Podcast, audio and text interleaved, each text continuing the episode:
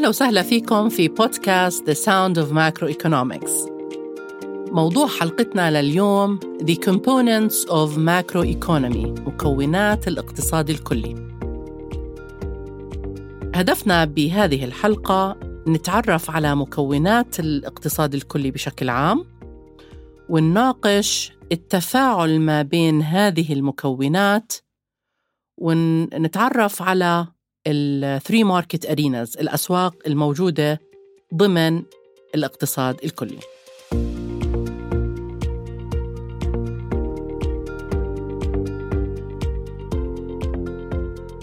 في حلقاتنا السابقة آه، حكينا عن الاقتصاد الكلي وعرفنا الاقتصاد الكلي وهدفه الأساسي بأنه بيركز على الاقتصاد بشكل عام وبناقش موضوع الاجريجيت بيهيفير وأنه التحليل الكلي بشكل عام بشكل تحدي لأنه بيتطلب أنه نحلل آه، الجزئيات في الاقتصاد في آن واحد. يعني أنا لازم أطلع على المفاهيم مع بعض لازم أحلل الآثار المترتبة لأي متغير على المتغيرات الأخرى وأطلع بنتيجة تكون على المستوى الكلي. لذلك الاقتصاد الكلي بشكل عام آه، معظم الناس بيواجهوا هذا التحدي بشكل خاص إنه التحليل على المستوى الكلي ممكن يكون آه، معقد وبيتطلب إدراك لتفاصيل كثيرة في نفس الاقتصاد الكلي.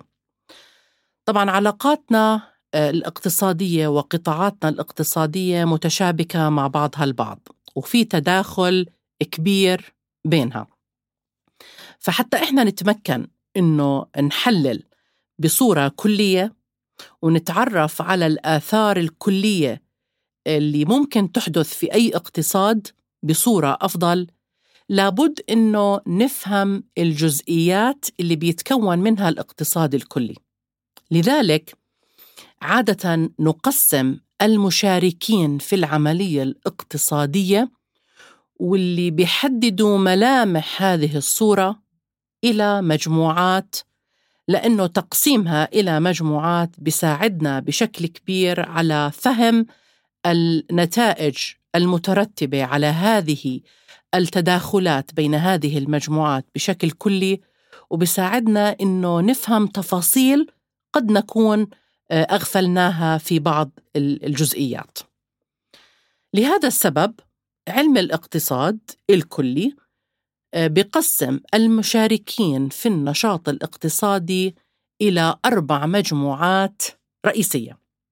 المجموعة الأولى اللي هي مجموعة الهاوس هولدز الأسر. المجموعة الثانية مجموعة ال firms المنشآت. المجموعة الثالثة هي ال government الحكومة. أما المجموعة الرابعة فهي the rest of the world العالم الخارجي. طبعا هذه الأربع مجموعات بتشكل المشاركين في العملية الاقتصادية. المجموعة الأولى الهاوسهولدز اللي هي الأسر آه، تشمل آه، جميع الأسر الموجودة ضمن منطقة جغرافية واحدة اللي هي بتشكل الدولة. وطبعا مفهوم الأسر يختلف عن مفهوم العائلة. العائلة يربطها آه، رابطة دموية بينما الأسر ليس بالضرورة أن يكون بينهما علاقة دموية. يعني أنا ممكن آه، أسكن أنا وصديقة إلي من النرويج في آه، سكن للطالبات في الأردن بهاي الحالة إحنا نعتبر أسرة. ولاحظوا إنه ما في علاقة آه، أسرية ما في علاقة عائلية بيني وبين صديقتي من النرويج. بينما ممكن أنا أكون ساكنة أنا وأختي في نفس البيت في هذه الحالة نعتبر أسرة بالرغم من أنه في وجود آه، علاقة دموية بيني وبين أختي. لكن إحنا بهمنا في دراسة المشاركين في النشاط الاقتصادي بنركز على الهاوس هولدز اللي هم الأسر. ننتقل للمجموعة الثانية اللي بتشكل آه، جزء من المشاركين في النشاط الاقتصادي اللي هم الفيرمز المنشآت. طبعا المنشآت آه، بتشكل جانب الإنتاج في الاقتصاد وهي المؤسسات والشركات وأي نوع من آه، المشاركة في عملية الإنتاج. الهدف الهدف من وجود الشركات تنظيم عملية الإنتاج بطريقة آه، تكون منظمة نوعا ما. أما المجموعة الثالثة اللي هي تعتبر جزء من المشاركين في النشاط الاقتصادي اللي هي الحكومة. وطبعا الحكومة آه، معنية بعدة أمور من ضمنها توفير الأمن الحماية الأنظمة القوانين. حتى نضمن أنه عملية الإنتاج وعملية الحياة بشكل عام عم بتصير وفق آه، أنظمة وقوانين وبنخفف آه، قدر الإمكان من عدم الاستقرار اللي ممكن يحصل لعدم وجود أي جهة رقابية أخرى. آخر مجموعة ضمن المشاركين في العملية الاقتصادية اللي هم ال rest of the world العالم الخارجي. طبعا كلنا بنعرف إنه الآن ضمن الانفتاح الاقتصادي وضمن العولمة ما في بلد ممكن تعيش وتستغني عن آه، تبادل تجاري مع دول آه، أخرى. وبالتالي لابد من إني أنا أدخل العالم الخارجي كجزء مشارك في العملية الاقتصادية لأنه أكيد هنالك تبادل تجاري على مستوى دولي وهذا بيأثر على العملية الاقتصادية في البلد. آه، ليه تم تقسيم المشاركين في العملية الاقتصادية إلى أربع مجموعات؟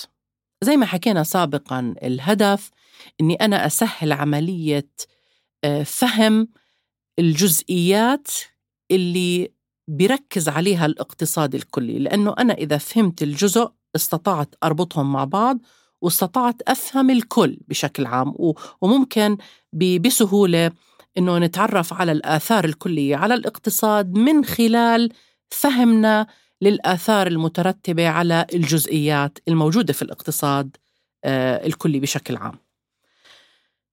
بهمني أعرف العلاقة ما بين هذه المجموعات. خلينا نبلش ب سرد بسيط للعلاقات التي من الممكن أن تحدث بين المجموعات الأربعة. آه، على سبيل المثال تقوم الأسر بشراء السلع والخدمات المنتجة من قبل المنشآت والحكومة. اذا في عندي تدفق تدفق للسلع والخدمات الاتجاه لهذا التدفق بيكون من المنشآت والحكومة إلى الأسر. المنشآت معنية في الإنتاج الأسر معنية في الاستهلاك. إذا التدفق للسلع والخدمات آه، الاتجاه له من المنشآت إلى الأسر. طبعا في في علم الاقتصاد uh, nothing uh, for free. بالمقابل عندما تحصل الأسر على هذه السلع والخدمات بدها تدفع تكلفة السلع والخدمات. هذه التكلفة يتم دفعها من الأسر إلى المنشآت والحكومة.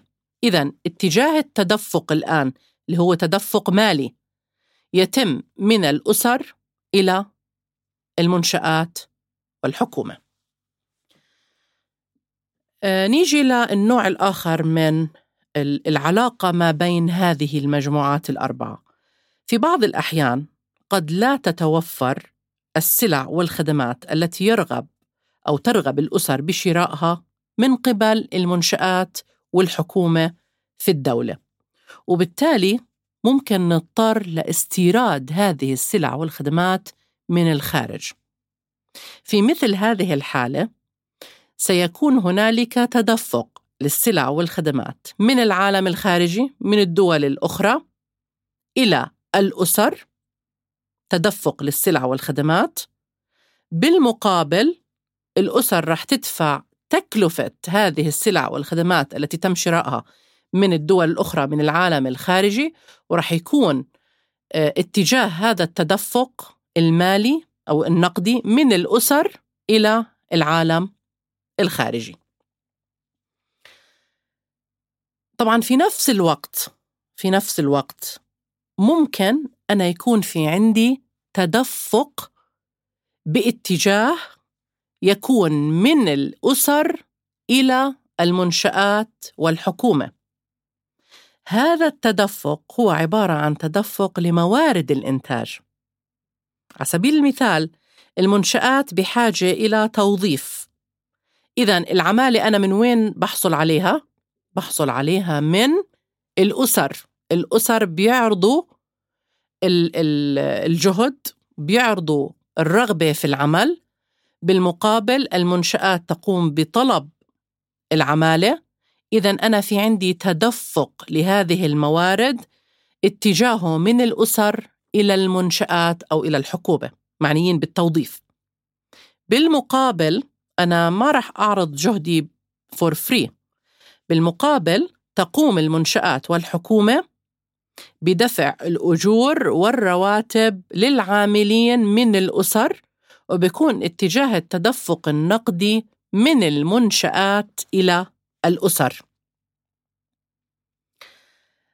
في بعض الأحيان ممكن فرص العمل تكون موجودة في الخارج أو ممكن العمالة تكون موجودة في الخارج وهذا ممكن يؤدي إلى تبادل تجاري أو تبادل بين الأسر الموجودة محلياً والعالم الخارجي والعكس تماما الأسر في العالم الخارجي والمنشآت والحكومة في البلد وبيترتب على هذا التدفق تدفق للموارد أو للعمالة مقابل آه، دفع رواتب ومستحقات وأجور للتوظيف. بشكل عام إذا بنرجع لهذه التدفقات رح نلاحظ بأنه في كل عملية تبادل في عندي أثرين أو طرفين خلينا نسميهم. الطرف الأول في عندي تدفق لسلع وخدمات أو تدفق لموارد. بالمقابل في عندي تدفق نقدي يسير باتجاه عكسي. لاتجاه تدفق السلع والخدمات. هذا التدفق النقدي يعكس نفقات الشراء أو يعكس تكاليف الإنتاج اللي هي الأجور والرواتب أو آه، ثمن استخدام الموارد. اذا الآلية اللي بتحكم عملية التفاعل ما بين هذه المجموعات الأربعة ال households ال firms ال government and the rest of the world محكومة بتدفقين أساسيين. التدفق الأول اللي هو تدفق سلع وخدمات وموارد والتدفق الثاني يسير باتجاه معاكس هو تدفق نقدي يعكس ثمن النفقات أو ثمن استخدام الموارد. هذا في علم الاقتصاد بنسميه circular flow. diagram. بنسميه مخطط التدفق الدائري. طبعا هذا المخطط يبين العلاقة بين مكونات المشاركين في الاقتصاد وآلية التبادل بينهما.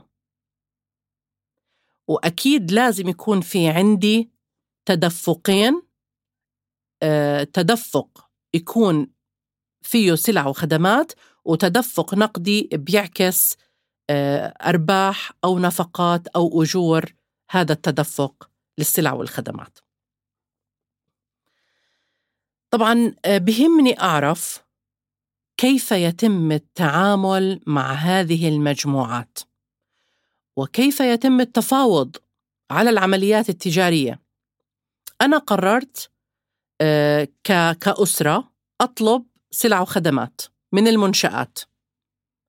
على أي أساس بتتحدد تكلفة هذه السلع والخدمات؟ كم راح أدفع بالمقابل؟ بدي أشتري آه، كمبيوتر. بالمقابل كم راح أدفع ثمن هذا الكمبيوتر؟ اذا لابد من آلية بتحدد السعر المناسب لشراء السلع والخدمات هلأ هذه عملية التفاوض وعملية تحديد الأسعار وعملية تحديد الأجور أو تحديد تكاليف استخدام الموارد بتتم من خلال وجود ثلاثة أسواق أساسية. السوق الأول سوق السلع والخدمات. السوق الثاني سوق العمل. السوق الثالث هو سوق المال.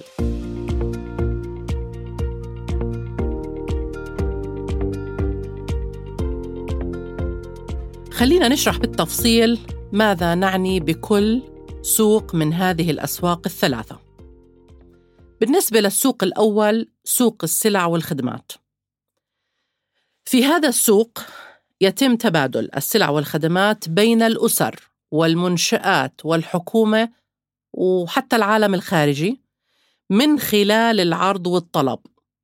الأسر آه، في عندها طلب على السلع والخدمات. المنشآت والحكومة والعالم الخارجي في عنده عرض لهذه السلع والخدمات. العرض والطلب بيكون في تفاعل بينهم. في هذا السوق وبناء على التفاعل ما بين قوى العرض والطلب يتم تحديد الأسعار لهذه السلع والخدمات هذه الأسعار بنسميها أسعار السوق السبب إنها تحددت بناء على آليات العرض والطلب في السوق. إذا أنا اللي بيحكم العملية التجارية أو عملية التبادل التجاري بين الفئات هي قوى العرض والطلب في السوق. بالنسبة للسوق الثاني سوق العمل في هذا السوق آه اللي بيمثل الأفراد في الأسر الراغبين في العمل فهم فعليا عم بيعرضوا العمل بالمقابل المنشآت والحكومة وممكن أحيانا العالم الخارجي يكون في الجانب الآخر اللي هو الطلب على العمل من خلال التفاعل ما بين قوى العرض والطلب على العمل بتم تحديد الأجور المناسبة للعمالة. وهذا بنسميه الأجر المحدد حسب السوق. أخيرا بالنسبة لسوق المال في هذا السوق تقوم الأسر بشراء الأسهم والسندات من المنشآت ومن الحكومة وبالتالي أنا في عندي تمويل يقدم من الأسر إلى المنشآت إلى السوق. طبعا بالمقابل الأسر بيكونوا عندهم آه، طموحات وآمال إنه رح يترتب على شراء الأسهم والسندات إيرادات وفوائد آه، لهذه الأسهم والسندات. إذا عملية التمويل تمويل آه، الاستثمار تتم من خلال الأسر بقيامها بشراء الأسهم والسندات إذا لاحظوا أنا في عندي ثلاث أسواق مهمة سوق السلع والخدمات سوق العمل سوق المال هذه الأسواق هي التي تحدد الأسعار التي آه، يتم بناء عليها اتخاذ القرارات في التوظيف والشراء أو الاستثمار. اذا ضروري أنا يكون في عندي أسواق فعالة أو كفؤة واللي هو هذا أحد أسباب آه، أو أحد المفاهيم الاقتصادية المهمة اللي بينبنى عليها طريقة التفكير الصحيح إنه يكون في عندي أسواق ذات كفاءة عالية. المقصود بالكفاءة مرة أخرى الأسواق التي تعكس السعر الحقيقي. للسلع والخدمات أو للعمالة أو لأي آه، أي موضوع إحنا بدنا نحدد له سعر طبعا كل ما توفر معلومات أكثر كل ما توقعنا أنه يكون السعر المحدد في السوق سعر عادل ويعكس التكلفة ويعكس ويعكس المعلومات الحقيقية الموجودة في السوق. إذا نستنتج من ذلك أن الأسواق ضرورية لتحديد آلية التبادل لأنها تلعب دور كبير في تحديد السعر اللي هو أساس عملية التبادل.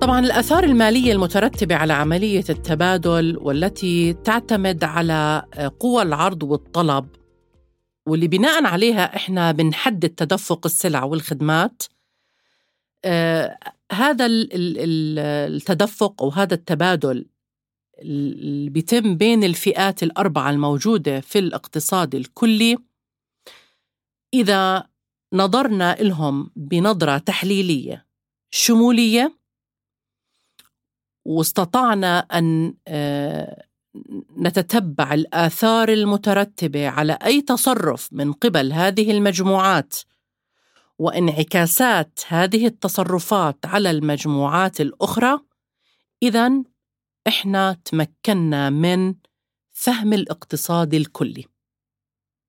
لابد من إني أنا أعرف إيش الآثار اللي بتترتب على هذه العملية التجارية بين الفئات الأربعة والآثار الكلية التي من الممكن أن يتأثر بها الاقتصاد بشكل عام أو حتى المجموعات الأخرى. بمعنى آخر النتائج المترتبة على هذا البناء بين جميع هذه الفئات هو جل اهتمام الاقتصاد الكلي وأن النظرة التحليلية الشمولية للتدفق الدائري اللي سميناه circular flow هو ما يركز عليه الاقتصاد الكلي. سؤال حلقتنا لليوم لماذا سمي هذا المخطط الدائري circular flow بهذا الاسم؟ ما علاقة الدائرة بالموضوع؟ وليه ما استخدمنا المربع أو المستطيل؟ انتهت حلقتنا لليوم بانتظاركم في الحلقات القادمة وسعيدة بالإجابة على جميع استفساراتكم من خلال الموقع المخصص للمقترحات نشوفكم على خير.